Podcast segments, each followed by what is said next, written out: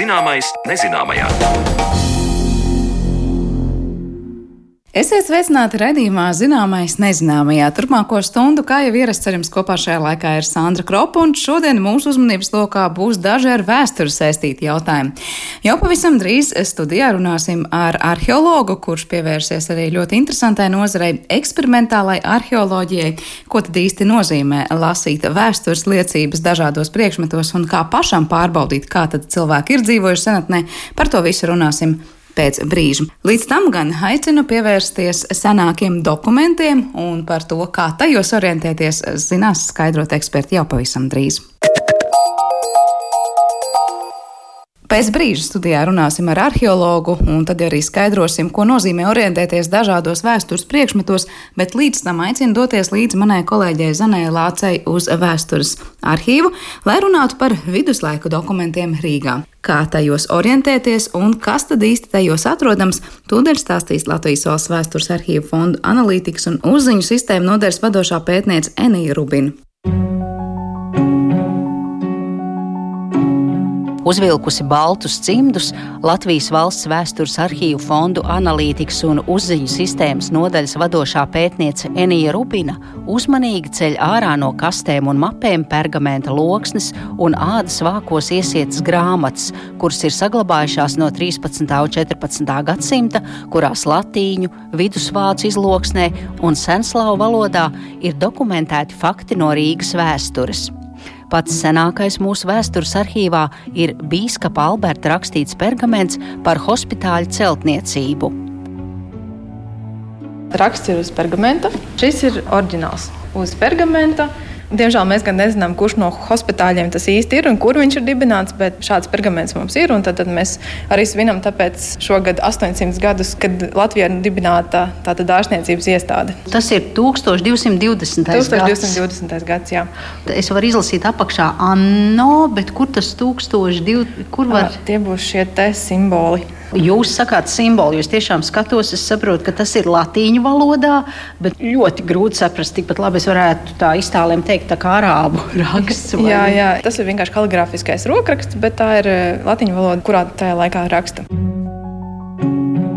Vēsturnieku domas dalās, vai dokumentā ir minēts Svētā gara hospitālis vai Svētā jūra hospitālis, bet teksts ir iztulkots un skan šādi. Svētās un nedalāmās trīsvienības vārdā Alberts no Dieva žēlastības Rīgas bīskaps.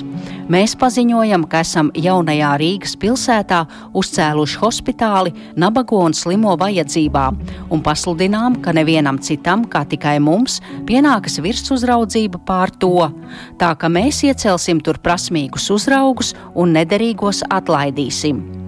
Tik tālu fragments no šī dokumenta, bet tālāk Enija Rubīna ceļ ārā nākamo pergamentu, kuru apakšpusē rotā vairāki zīmogi. Un tad es jums gribu parādīt vienu no tādiem pirmajiem arī politiskajiem līgumiem. Proti, tas ir eh, līgums, kuru pāraudzīja Vilhelms no Modenas, pāvesta sūtnis Livonijā. 1228. gadā noslēgts līgums starp Rīgas pilsētu, Rīgas arhibīskapu, Zobenbrāļu ordeni. Tas ir līgums, kas nosaka to, ka Rīga piedalīsies Livonijas iekarošanā un par to saņems trešdaļu no zemēm. Diemžēl tā tas nerealizējās, bet līgums ir. Šeit var redzēt arī tad, tad tas ir pergaments, un šis šoreiz ir pergaments ar visiem zīmogiem. Bet kur tie zīmogi ir iespaidīgi? viens, divi, trīs, četri, pieci zīmogi ir pie tā Jā. pergamenta piekarināti. Tātad šeit var atpazīt Rīgas pilsētas zīmogu. Divi torņi un atslēgas. atslēgas jā. un tas ir bijis kā Alberta zīmogs. Jā. Tur viņš pats ir attēlots. No kā tie zīmogi ir gatavoti? Zīmogi ir gatavoti šie no vaska. Tātad šis dokuments arī ir restaurēts brīnišķīgi. Un tad var redzēt, kā ir atjaunota iekšējā šī daļa, re, kur ir jaunā vaska daļa un, un re, kur vecā.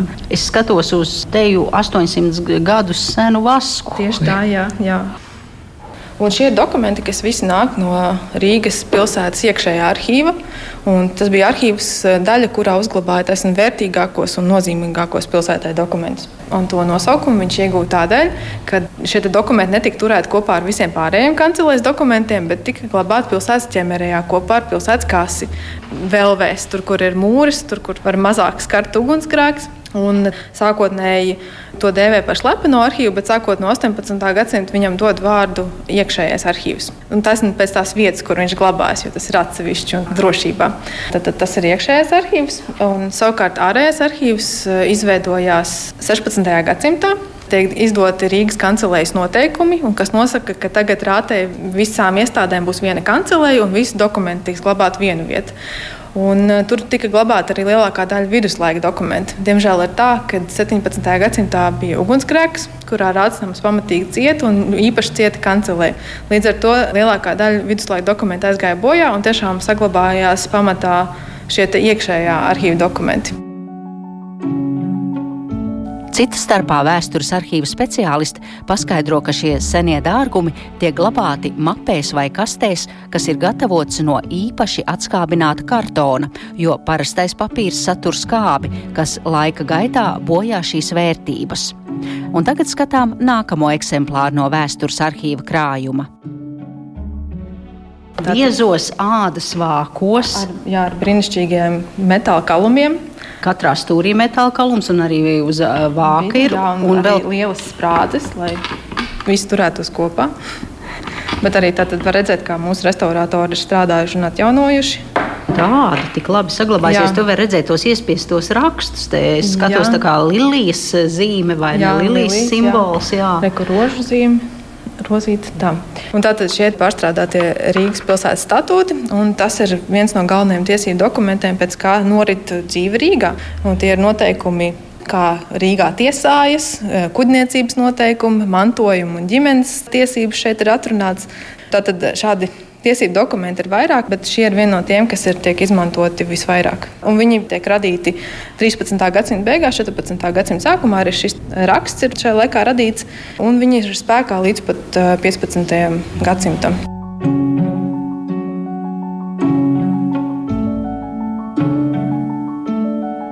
Senākā grāmata, kas mums ir saglabājusies, tā ir Rīgas parādu grāmata. Tā bija grāmata, kurā tika fiksēti visi aizdevumi, gan preces, gan naudas. Tā ir grāmata, kas ir vesta no 1286. līdz 1352. gadam.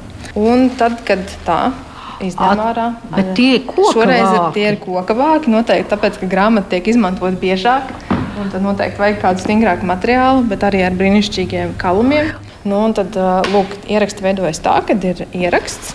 Ieraksti ir tātad pēc aizņēmēja vārda, parādnieka, teiksim tā. Un tad, kad parāds tiek nokārtots, tad ieraksts tiek izsvītrots. Tāpēc arī te bez mazliet katra Katrs rindiņa, kas atkal ir jāpiezīmē jā. glītā, kaligrāfiskā rokrakstā, ir izsvītrota, izsvītrota, izsvītrota. Grāmata ir uz pergamenta, un te var redzēt arī labojumus. Pergaments ir āda, līdz ar to es dažreiz par sašūtu. Jā, tad viņas beigās sašūta. izskatās kā zombiju grāmatas nedaudz. Un e, ir tā, ka no šīs grāmatas tur viņai arī trūks lapuses, un tad domājams tas ir tādēļ, ka e, attiecīgajā lapā bija nokārtot visi parādi, un tad vienkārši ierēdnis, lai nebūtu lieki, tad vienkārši viņi ir izplēsis. Tāda ir viena no teorijām. Nākamā grāmata, ko Enija Rubina demonstrē, ir interesanta ar savu pielietojumu. Tajā 1360. gadā Rīgas rātas kungu rakstaveži ir pierakstījuši gan zeltkaļu cimftas amata statūtus, gan arī pilsētas saimnieciskos darījumus. Šī ir grāmata, kurā ir noraksts ne tikai zeltkaļu amatam, bet arī citiem amatiem. Bet tas atkal ir uz pergamenta. Tas atkal ir pergamenta. Biezos ādas vākos, ļoti skaistajā pirmajā lapā tāds uh, ornaments, tā kā tāda izstiepta lāse. Pirmais burts ir izcelts. Jā.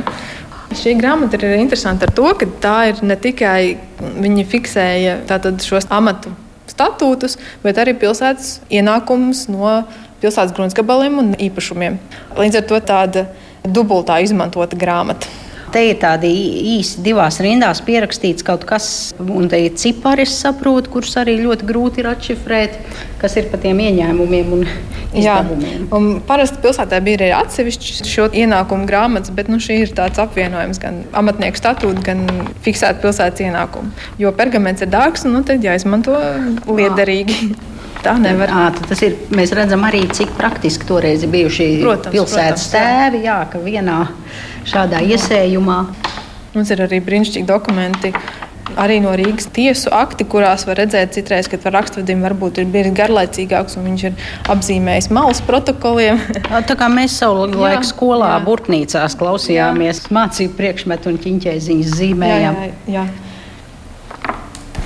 Un tad es gribu parādīt vēl vienu dokumentu, kas arī ir ļoti īpašs. Tas ir nozīmīgs ne tikai Latvijas vēsturē, bet uh, tas ir starptautiski nozīmīgs ļoti dokuments. Proti, tas ir daļa no dokumentu kompleksa Maskovita Rutenica.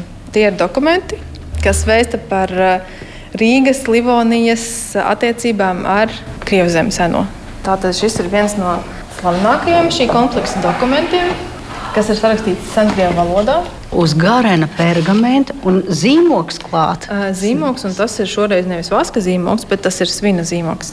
Šis ir 1229. gadā sarakstīts līgums, un tas ir līgums starp Smoļenskas kņazu Mteslavu Davidoviču un vācu tirgotājiem. Šie tirgotāji nāk gan no Rīgas, gan no Gotlandes, gan no citām Vācijas pilsētām, un tie ir noteikumi par to, kā jātirgojas uz Daugavas. Un šis uh, līgums ir spēkā un pēc viņa vadās līdz pat 15. gadsimtam. Ja noziegsies Krievs Rīgā vai Gotu krastā, tad viņš moku solā nav jāiesēdina. Ja noziegsies latīņu tirgotājs Smoļenskā, tad pagrabā viņš nav jāiesēdina. Ja nebūs galvojuma, tad jāieslēdz dzelžos. Ja Latīnis dos krievam savu preci uz parādu Smoļenskā, tad krievam jāsamaksā vācietim pa priekšu, lai arī kādam citam krievam viņš ir parādā. Tāpat krievam ir jāsaņem parāds Rīgā un Gotu krastā. Līgums ir svarīgs ne tikai Latvijas vēsturē, bet arī, protams, Krievijas vēsturē, Hanzas vēsturē. Tas ir arī viens no tādiem būtiskākajiem līgumiem Hanzas kontekstā. Te ir divas pergamentu loksnes, kas ir sastiprinātas Jā. kopā. Un kādreiz šim līgumam ir bijuši arī vairāk noraksti. Ir bijuši Sankrievu valodā, latviešu valodā, iespējams, arī viduslejas vācu valodā, bet līdz mūsdienām ir saglabājušies tikai e, Sankrievu valodā. Un ir vairāk norakstu šim līgumam, un lielākā daļa glabājas pie mums Latvijas valsts vēstures arhīvā. Par viduslaika dokumentiem Rīgā stāstīja Latvijas valsts vēstures arhīvu fondu analītikas un uzziņu sistēmas nodeļas vadošā pētniece Enija Rubina, un ar viņu tikās mana kolēģe Zane Lāca. Bet par to, ko īsti nozīmē būt arheologam un kā orientēties arheoloģiskajās liecībās, saruna studijā pēc brīža.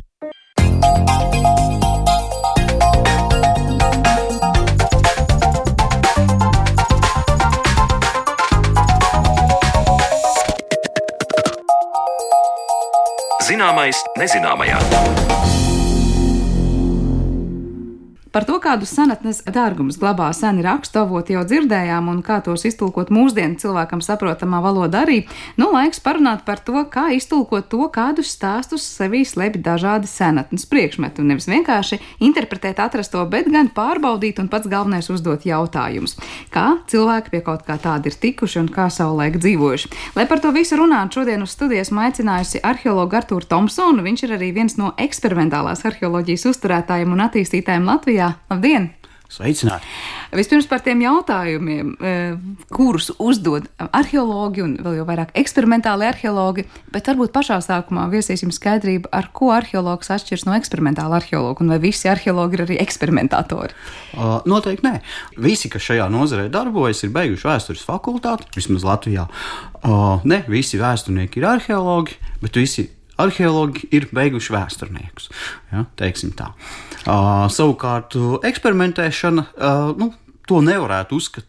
Uz, uzskatīt, padarīt par tādu kā pašmērķi, lai būtu Nu, mēs jau jā, mēs tā uzreiz, uzreiz vērsim pie ragiem. Uh, tur jāsāk patiesībā jāparunā par vēstures avotiem, ar kuriem mēs darbojamies. Jo nu, tie vēsturnieki, kas darbojas ar rakstītajiem avotiem, tur ir sava specifika. Arheologam ir sava atkal, jo uh, lietiskie vēstures avoti ir mēmi. Viņi paši par sevi nerunā. Līdz ar to viņi ir atkarīgi no šī pētnieka interpretācijas un šīs interpretācijas kvalitātes. Līdz ar to to, kādu veidu šos jautājumus, šos neskaidros jautājumus, šie, šie mēmī avoti paši par sevi neko nevar pastāstīt, šis pētnieks uzdod. Ja, to nosaka viņa konkrētā individu tā, nu, intelektuālā izglītības bagāža. Vai arī tas, kas viņu vairāk Jā. interesē pašu? Protams, un no, tur jau mēs aizjām tādā diezgan filozofijā, objekts, subjekts, cik es paš, pats spēju pašreflektēt, vai es pats vēlamu neuzdodu par, esam, par esamo un tam līdzīgi. Bet, nu labi, jebkurā gadījumā atrodot kaut kādu kaut vai priekšmetu vai, es nezinu, ēkas tur fragmentu, nu ar ko vēl arheologi nodarbojas, mēs pašam parunāsim. Kas būs tas, kas arheologu atšķiras no tā eksperimentālā arheologa. Tad tā eksperimentālais arheologs iet un pats saviem spēkiem mēģina vēlreiz to pašu izdarīt, vai, vai nav tik vienkārši?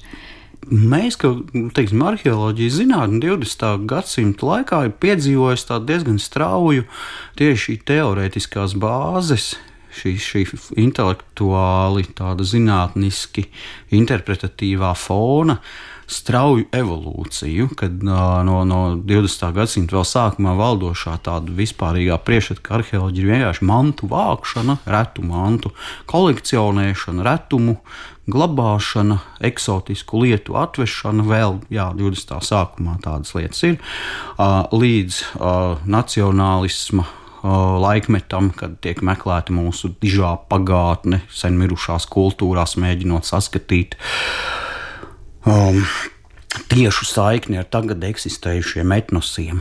Jā, tā ir arī šī vēlamā pievilkšana pie skopajiem avotiem, kādi viņi ir.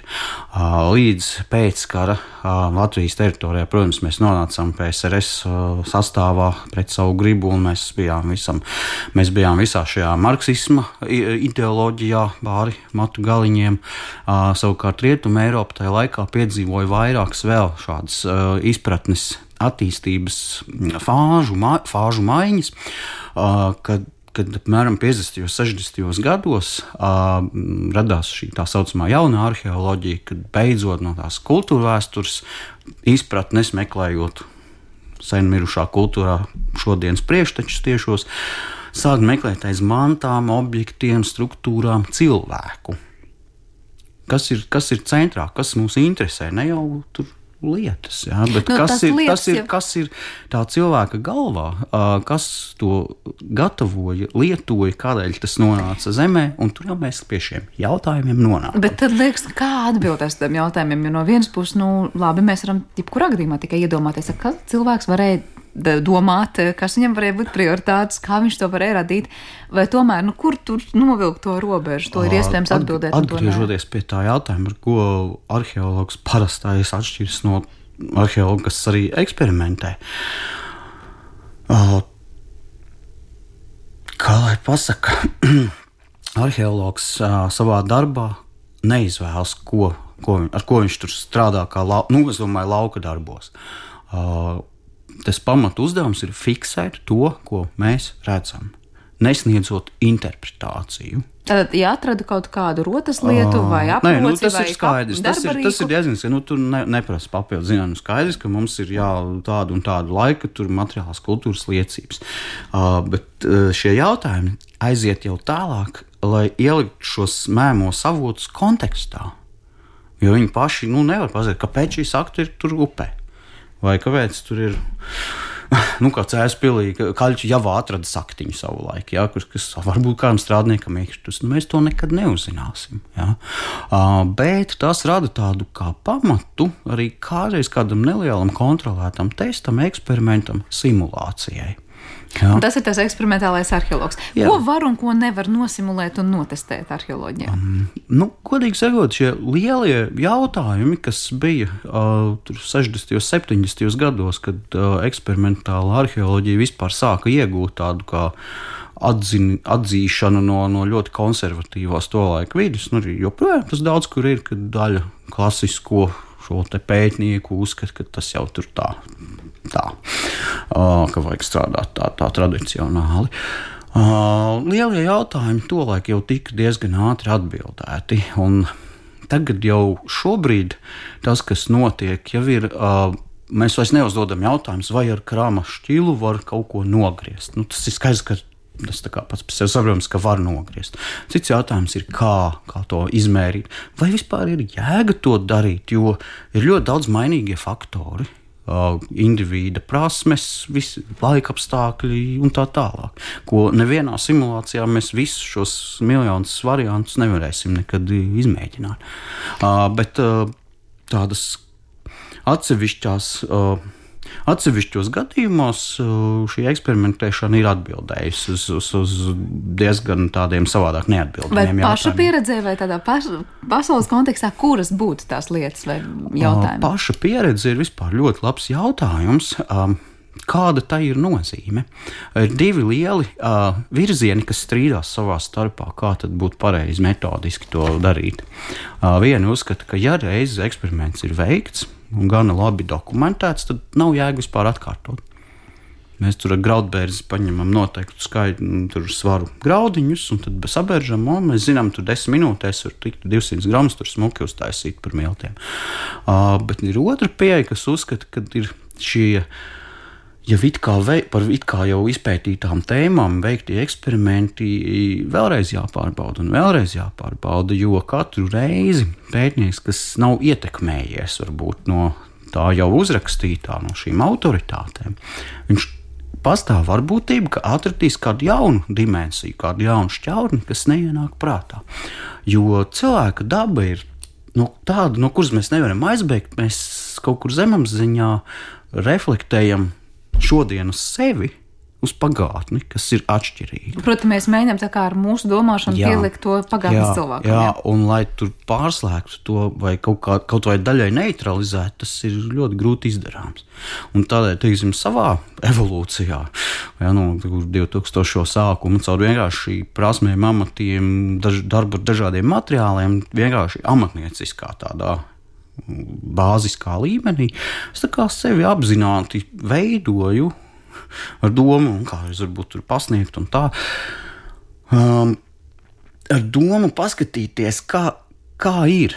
Vai, vai, vai es atbilstu pats kā eksperiments, tāds trusīts savā ziņā, uh, vai, vai es pieķeru sevi, ka es arī reflektēju, ko jau es zinu, un mēģinu, tad man sanāk tāpat, un ka es no sevis un savas tās bagāžas nekur nevaru aizbēgt. Nu, kā sanāca beigās? Uh, nu, bāziskā līmenī kaut kas strādā, bet uh, es sapratu, ka šos jautājumus aiz plikām šīm pamatdarbībām mēs nu nekad nevarēsim atbildēt. Bet labi, to, ko mēs varam atbildēt, man pašai nācies jā. redzēt, tevi eksperimentējam arī. Ja? Proti, piemēram, vai mēs varam šobrīd iegūt tur bronzes, tur laikmeta nāzi vai ko citu ar konkrētām tādām, tādām kausēšanas tehnoloģijām. Vai tajā brīdī, sākot šo eksperimentu, tev ir jāsaprot, kādi bija tie nezinu, tur kā jādarbina vēl plēšas, tad papildus gaisu mhm. jāpieved vai kā citādāk. Vai tu procesa laikā saprati, ah, kaut kas nestrādā, tad temperatūra nav vajadzīga, tur viņi acīm redzot darīja vēl kaut ko. Es meklēju, ko vēl viņi varēja darīt. Tā tad darbināja plēšas, pievadīja papildus gaisu klāt. Kāds ir tas eksperimentālā arheologa nu, domu gājiens uzsākot eksperimentu un ko viņš domā eksperimentu laikā? Atkarīgs no eksperimenta. Uh, ir, teiksim, jūs pieminējāt bronzas kausēšanu un liešanu. Tas ir diezgan komplekss pasākums.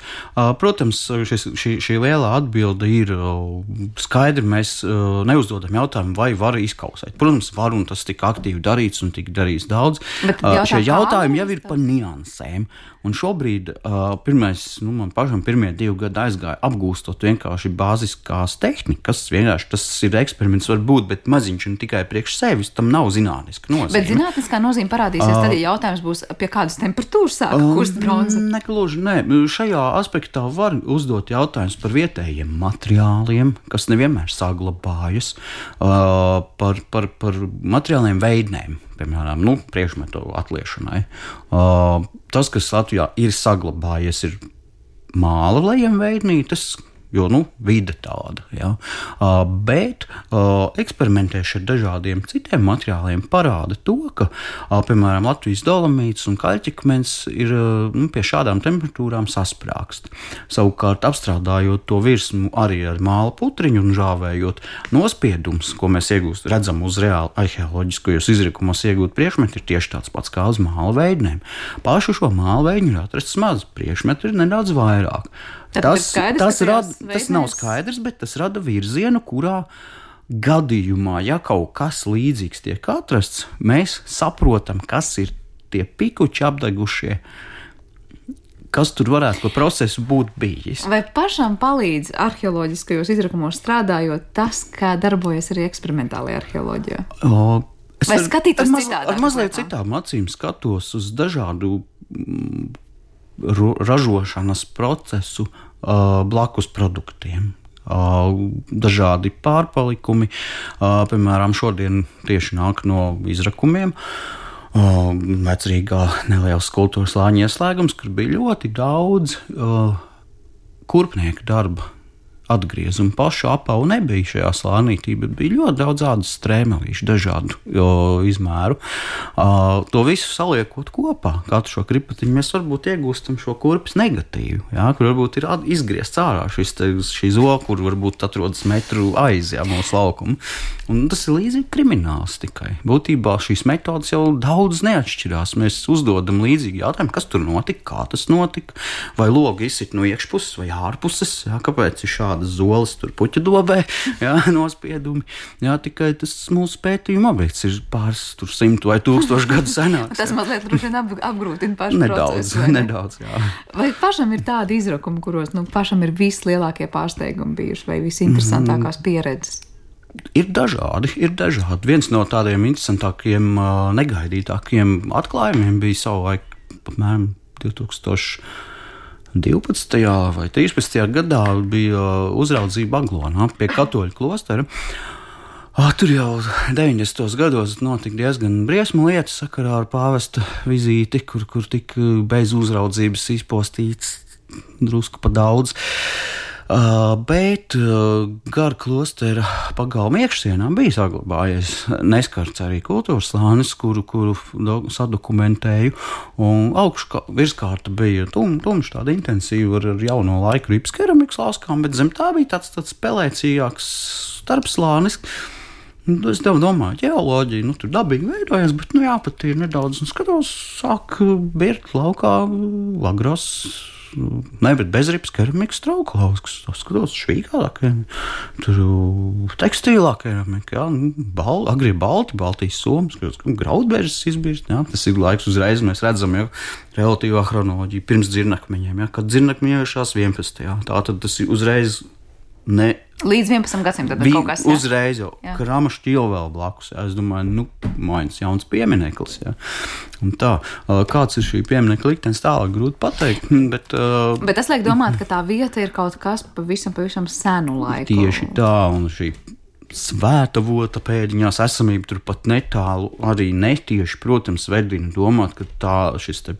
Uzkalns ir cilvēku iecienīts un apdzīvots bijis daudz, daudz, daudz senāk, kā mēs to zinām. Kā Latvijā ir ar tiem galvenajiem jautājumiem? Nu, arheoloģijā vai eksperimentālajā arheoloģijā, vai ir tādi, nezinu, vai laikmeti, vai, nezinu, lielās jautājumu grupas, kas ir tā kā, nu, visintensīvāk atbildāmie vai neatbildāmie? Latvijas materiāli, nu, katram pētniekam ir sava tā specializācija. Un, uh, pirms pāris gadiem bija projekts ar, ar Norvēģiem kopā. Nu, manuprāt, tas tika veidots druskuļi steigā un tā nepārāk sagatavoti, bet nu, mūsdienu zinātne ir atšķirīga, kāda tā bija agrāk, un ir mūsdienu straujais dzīves ritms, teiksim, tā uzliek savu zīmogu visam, kā tas tiek izpildīts. Un, uh, nu, tur varēja būt kā vērotāja lomā, un uzkrita atsevišķi aspekti. Tur bija dzelzceļa rūdas, šis eksperiments, ko Vēncpils muzejs arī veids vairāk kārt, tur šos testus un atkārtojumus. Es labprāt iepazītos ar kādu pirmdokumentāciju, manuprāt, īsti tā kaut kur nevar atrast, kur būtu publicēts. Tas nozīmē, ka notika, bet nav rezultāti Nu, it- publicēti. Nē, nu it kā tiek sludināts, ka ir labi rezultāti, bet es labprāt to tehnisko visu redzētu, kā viņi to. Nu, jā, jo laikam jau arī būtu naivi domāt, ka es kur- tagad izdomātu, kaut vai šodien Jā, jā, jā. veiksim kādu eksperimentu, jā, un tagad nedosko, nedokumentēsim to procesu Jā, gaidu, bet pateiksim, jā. mums beigās sanāca, ar to Jā, būs jā, pamāz. Tieši tā. Uh, nē, es varbūt vienkārši neesmu iepazinies ar jaunāko literatūru un publikācijām. Ļoti atvainojos, es kādu tur pārm- pārmetumu kādam. Ja?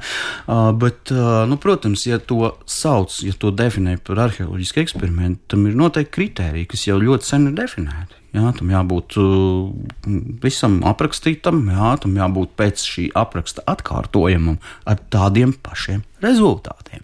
Kāds zināt, ja tagad notiktu tad eksperiments, nu nezinu, kaut ko kausēsim, būtu jāfiksē laiks, cikos sākām, cik gramus uzlikām, ar kādiem darbarīkiem, ja, un kurā brīdī kāda temperatūra, cik sīki nu, un cik smalki. Jo vairāk, jo labāk, jo vairāk mēs varam iedomāties šīs nianses, ko dokumentēt, jo labāk, jo pēc tam būs vieglāk.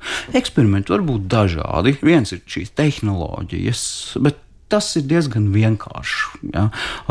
Trakāk ir ar ilglaicīgo procesu simulācijām. Piemēram, ir grāvis vēlnis, tiek salikti marķieri. Un tad skatāmies, kas notiek ar eroziju ilgu gadu garumā. Piemēram, Lielbritānijā Batseras senajā fermā tika palaists saites šādā vietā. Tik uzcēlts neliels tāds fragments, nav jau jāceļ viss objekts. Jā, pietiek. Mūsdienu cilvēks bieži vien saprot, nu jau, oh, tur vajag, vajag, vajag kaut ko tagad simulēt, vajag visu pil, pilnībā. Nē, pietiek arī ar miniatūrām un modeļiem. Tad te būtu jāuzsver tas, ka nevajag sajaukt ar to vēstures rekonstrukciju. Ja to... Arī, arī šī tradicionālais klupšanas akmens un grābeklis, ka, kāpēc jūs to darat un jums nav senais tērps mugurā? vai tas maina kaut ko temperatūrā. Es atvainojos, vai krams tāpēc plīst savādāk, ka man ir zvērādas kostīms. nu, nē, Jā. Nu, jā, vai arī, piemēram, kāpēc tas nav sanās sētas kaut kāds iekārtojums, jā, jā. jā. bet, piemēram, pati tā uguns jau gan būs atbilstoša tā laika, nu, tur es nezinu, kāds ugunskurs vai, vai, vai, vai pavārds izskatījās, vai ne? Protams. Ir tāds, nu, paturpinot šo jautājumu par Latvijas to arheoloģisko vai eksperimentālās arheoloģijas vidi, nu, tādi lielākie jautājumi neatbildami, tādas nu, mistērijas, kas tur ir, neskaidrākās lietas, pa kuriem laikiem, par ko gribas visvairāk uzzināt, vai kur mums vairāk tādu balto plankumu mūsu zināšanās par pagātni šajā teritorijā? Nu, man vienmēr ir fascinējis tas uh, dīvainais laiks, kad Dienvidē Eiropā plaukst antīkā kultūra, bet par šiem vairākiem tur dienvidos tik spilgtajiem gadsimtiem pārnesot to, kas ir šeit, nu, man joprojām tas kaut kur dziļumā neiet kopā. Proti, par to, ka te ir ienākuši knapi ziemeļbriežu mednieki. Ja? Nē, nē, Atēnas, Spārta, uh, lielie filozofi Grieķijā, uh, grieķu persiešu kāri, uh, teātris, ja, literatūra. Kas ir mums? Desmit ķīļveida cirvji. Ja? Kas, kas notiek, kas patiesībā šeit, tajā laikā, pa procesiem ir, ir, ir notikuši un kā tas ir izskatījies? Nu, bet, tas ir katram, manuprāt, eh, kam ir sava tā šaurākā tēma. Bet, protams, jebkuru, jebkurā laikmetā iemest acis, nu kā tad bija patiesībā, cik ļoti mēs esam tos savus stere, nu, stereotipus, nu, priekšstatus par to, kā mēs redzam šos aizgājušos laikus, pārnesuši uz to. Bet tas nozīmē, ka mums trūkst to priekšmetu par tā laika dzīvi mums šeit. Ļoti maz. Vienkārši ļoti maz arheoloģisko liecību kopumā statistiski. Tas pats bronzas laikmets, ja mums ir pie 200 vispār, vispār priekšmetu no Kāpēc šī tā? metāla. Uh, savukārt Anglijā, piemēram, nu, tur nesen ziņās bija, tur vienā depozītā 200 cirvji. Ja. Bet kāpēc tā? Kas, kas varētu būt par nu, versijām? Tas, tas ir skaidrs, kāpēc. Tas vienkārši nu, šis, šis tirniecības sakaru formāts. Ja, un, un, un, un, nu, kura kultūra dominē tālo sakaru kontrolē. Jā. Tas, ne, bet... tas, tajā, nu, teiksim, bronzas laikmetā tas galvenais uzsvars ir tagadējās, nu, bijušās Austrumprūsijas reģionā, kur ir dzintars. Uh, kur, kur, kur notiek šī galvenā maiņa. Bet, piemēram, tas, kādus jautājumus mēģina atbildēt arheologi šeit Latvijā, ir reģionāli svarīgi un interesanti kādam ārpus Latvijas teritorijas? Galīgi nē. mēs, mēs, protams, mazliet tas mūsu lepnumam tur dzeļ, jā, bet, godīgi sakot, ir ārkārtīgi grūti atrast kaut ko, kaut ko, kas tur jau nav šajā ziņā izdarīts un izpētīts. Bet tas nenozīmē, ka uh, šie pašreflektīvie eksperimenti, kas ir varbūt individam svarīgi, ir zaudējuši savu nozīmi. Bet nav tā, ka citreiz eh, mūsu vēsturnieks saka, ka mūsu kļūda ir tas, ka mēs skatāmies Latvijas vēsturi kā Latvijas teritorijas vēsturi, nu tajās reģionālajās uh, robežās. Jā, jā. Un mums nav sajūtas, ka mēs skatāmies un reflektējam, kā tas iet roku rokā ar notikumiem kaimiņu valstīs, kā tas varbūt ietekmē arī notikums kaimiņu valstīs. Proti, ka varbūt arheoloģijā arī mums pietrūks tāda savstarpējā tīkla, kas kaut kādu to kopbildi liek plašāku. Nu, ja mēs šajā nozarē nav nekāda problēma ne ar Lietuvas, Igaunijas, Baltkrievijas, Krievijas kolēģiem. Nē, es tur, domāju, tur, tur šajā interesē. ziņā nav šīs politiskās robežas. Zinātnes valoda ir kopīga visur. Bet tāpēc viņiem interesē mūsu kaut kāda Jā, ļoti, viņi ļoti labi zina latgaļus tur un visas pierobežas šīs sentautas. Tur, tur brīvi var, var komunicēt. Un tiešām ir, ir bauda aizbraukt uz kādām konferencēm, kur nav jāskaidro bāzes lietas, tā kā ka tu uzreiz jau vari pie, pie būtiskā. Tā kā ir jautājumi, kas ir interesanti reģionāli, ne tikai par mums pašiem Latvijas šī brīža teritorijā. Mm. Es zinu, ka šajā vasarā laikam būs kāds interesants notikums arheoloģijas un īpašā eksperimentālās arheoloģijas entuziastiem vai interesantiem, vai var pastāstīt, kas mūs sagaida. Um, jā, tas šo jautājumu man uzdod jau, jau regulāri, bet sakarā ar Covid-19 tas viss ir ieviesis zināmas korekcijas. Uh, Runa ir par uh, Baltijas eksperimentālās arheoloģijas vasaras skolu. Uh, Tas ir projekts, kas, kuram savulaik briedu diezgan ilgi. Tam, tam saknes ir vēl, vēl mm, veco klubu laikos, vēl rekonstrukciju laikos, kad atsevišķi šīs jomas interesēja dziļāk pamācīties un patestēt, paeksperimentēt. Uh, tad savulaik tas, mm, tas formāts kaut ko jau atpazīstamu, tam kā tas ir tagad, uh, to veidu ieguva 2013. gadā, kad bija jauks sadarbības pasākums starp Vēstures un filozofijas fakultāti, humanitāro zinātņu fakultātes antropologiem un Latvijas arheologu biedrību un ārēju arheoloģisko parku, kur vairāki arheoloģijas studenti veica mazus kā, lauka darbiņus. mm, ap- Izpētot, un secinot, un veicot mini-eksperimentus par sev izvēlētām tēmām. Šie, šie jaunie antropologi pētīja šos vēsturniekus, kā viņi pārreflektē savu to, kas viņiem ir galvās, uz to, ko viņi dara. Un tad man bija tas gods sniegt vērtējumu, ko tad tobrīd profesors Vasks tad ierakstīja viņiem atzīmju grāmatiņās, jo tas man vienmēr ir kaut kā sanācis būt par starpnieku jā, šajās lietās. Un, Tad vairākus gadus tas, šis, šis notikums notika ar Latvijas Nacionālā vēstures muzeja atbalstu, kad Nu, tas ir saistīts arī ar ārēju muzeja parku juridisko statusu, kas tobrīd bija zem Nacionālā vēstures muzeja. Tagad vairākus gadus muzeja parks ir zem Drabešu pašvaldības pakļautības, un tad mainoties visiem šiem statusiem, tad īsti sanāca tā, ka daļa publikas gaida šo skolu uzreiz, un, bet, bet jaunā vadība vēl īsti nav gatava. Tika pieņemts lēmums pārcelties zem uh, biedrības, ko savulaik arī šim mērķim izveidoja, pārņemot šo, šo pasākumu organizēt pilnībā zem Latvijas arhīvu kluba paspārnes. Un, uh, mūsu biedrība nomā no Rīgas izpildu direkcijas vairākus dārzus Lucavas salā, kas bija pilnīgi degradēta teritorija. 2014. un 2015. gadā mēs tur sākām uh, sakopt. Un tas, kas tiek veidots, ir tāds, teikt, Latvijas arhīvu parks, tāds centrs, kas būtu veltīts izglītībai, zinātnē un druskuļi turismam. Tāds, nu, šobrīd kā tāda kā dēmo versija, tas ļoti miniatūrā. Protams, audzējot visus gan senos, gan jaunos augus, ā, plus veidojot tādas kā zonas pa dažādiem laikmetiem un interesēm. Un, ā, vairākas skolas ir jau arī gan bijušas, gan izrādījušas interesi, gan arī individuāli apmeklētāji. Ā, Protams, tas, tas priekšstats ir, ka šī vasaras skola, nu, ko tad tur darīsim? Ka tas ir, ka daudz vecāku beidzot vasarā būs, kur bērniņi atdot. Nu, nē, tas ir drusku tā kā lielākiem, kas jau saprot un interesējas un zina, ko grib. Bet Jā. kas ir tas, kas sagaida tur lies bronzu vai veidos katra- krāma? parast, tas parastais formāts ir, ka katru dienu ir kāda cita tēma. Pārsvarā tas ir uz šīm primitīvajām senajām tehnoloģijām, bez kurām nevar rasties varbūt ar laiku. Tas ir lielais jautājums. Ja jūs neko nemākat, nu, jūs nevarat uzdot to jautājumu. Ja, ja ir, ja ir nu, jautājums par to, kā to vispār izdarīt. Ja. Katru dienu ir kāda tēma. Mums, piemēram, pagājušo gadu uh, mēs svārījām senās ziepes. Uh, Mums bija lekcijas, kas bija vairāk teorētiskas ar demonstrējumiem, mums bija uh, skauti. Tautu pārstāvis, kas mācīja mēslus, uh, uguns iegūšanas tēmu dažādās kultūrās, uh, tika apskatīta keramikas gatavošana. Protams, kā nu bez keramikas, jā, tas ir visiem, visiem ļoti ejoši, tur šo jautājumu vienmēr pietiek, jā, gan, gan individuālā, gan plašākā līmenī, grāmatu apstrāde, gan, gan teorija, gan praksa. Jā, piemēram, geoloģijas doktora Līga Zariņa mums apciemoja, jā, gan, gan nu, tekstīlijas speciālisti Irita Džeira no Nacionālā vēstures muzeja lasīja lekciju par, par audumiem. Latvijas aizvēsturē, nu, jā, Pats es kā, vadu šo bronzas apstrādi. Vēsturnieks Aivars Siliņš mācīja dzelzceļa kalšanu pēc vairāk vikingu laikmetu modes. No, no, no Daugavas muzeja diezgan plašs spektra prasmes, bet uh, bez uh, sagatavošanas īpašas var nākt cilvēku un pieteikties. Var pieteikties, bet, protams, ievērojot visus šos nu, aktuālos norādījumus par tām distancēm un tā.